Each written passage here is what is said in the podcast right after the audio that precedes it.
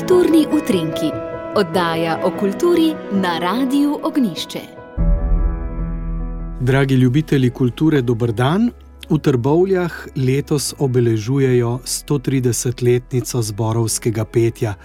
Toliko nam reč mineva od ustanovitve mešanega pevskega zbora Zvon in v počastitev tega visokega jubileja je župnija Trbovlje Sveti Martin pripravila več dogodkov. Eden je že bil 13. septembra, no preostali trije pa so tik pred vrati in sicer prvi, ki ga bomo zdaj le morda še posebej napovedali, bo prav za Martinovo 11. novembra po Sveti Maši, ki bo ob 19. to bo koncert treh pevskih zborov. No, ampak več o tem nam bo povedal zborovodja crkvenega pevskega zbora svetega Martina iz Trbovel, Gregor Špajzer. Dobr dan. Lepo zdrav. Morda bi začela kar s to lepo obletnico, ne? častitljivo obletnico, lahko rečemo. 130 let zborovskega petja, ja, ni veliko krajev, ki bi tako obletnico zborom obeležili v svojem kraju.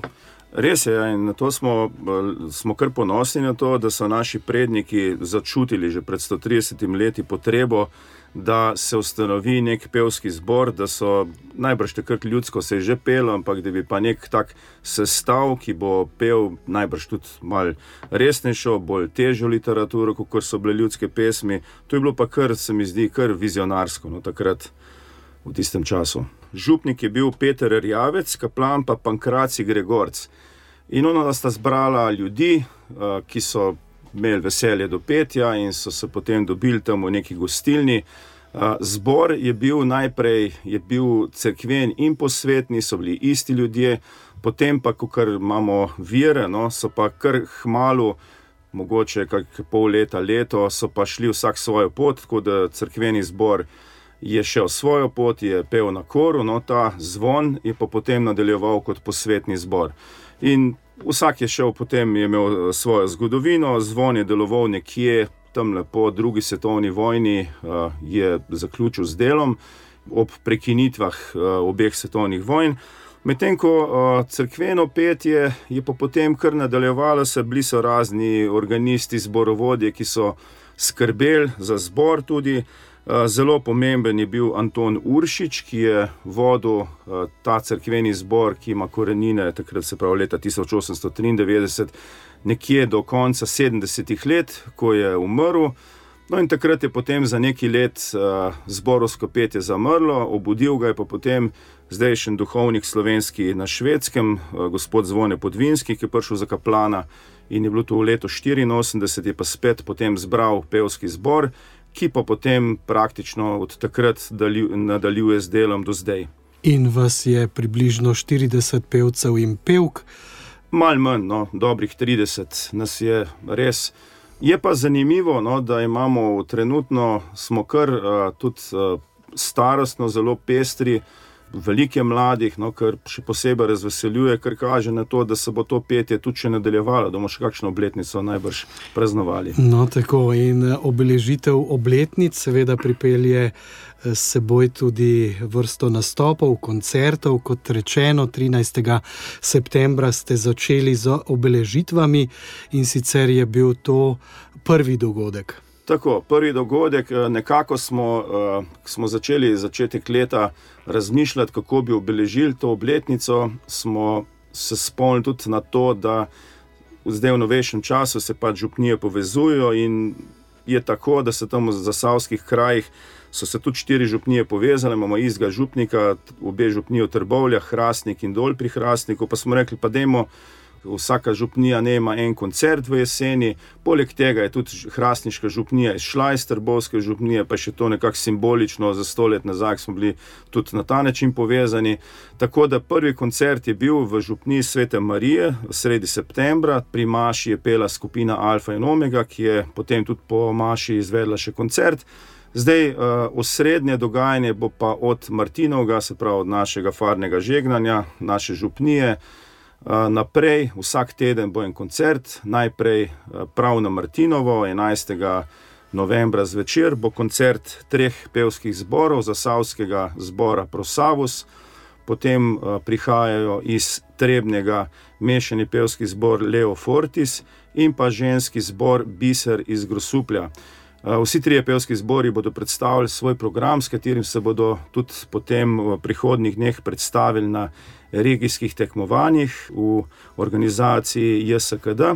No, na to imamo en teden kasneje, 18. novembra, na dolu pri Hrastniku, pride v goste koralni zbor Akademije za glasbo pod vodstvom profesora Toneta Potočnika. Se zelo veselimo, ker to koralno petje je le začetek vsega petja, pa se mi zdi, da smo v današnjem času kar precej od njega odrezani, v kakšnem samostanu se še šli, sliši, sicer pa uh, moraš imeti res srečo, da ne letiš kdaj nekaj tasga.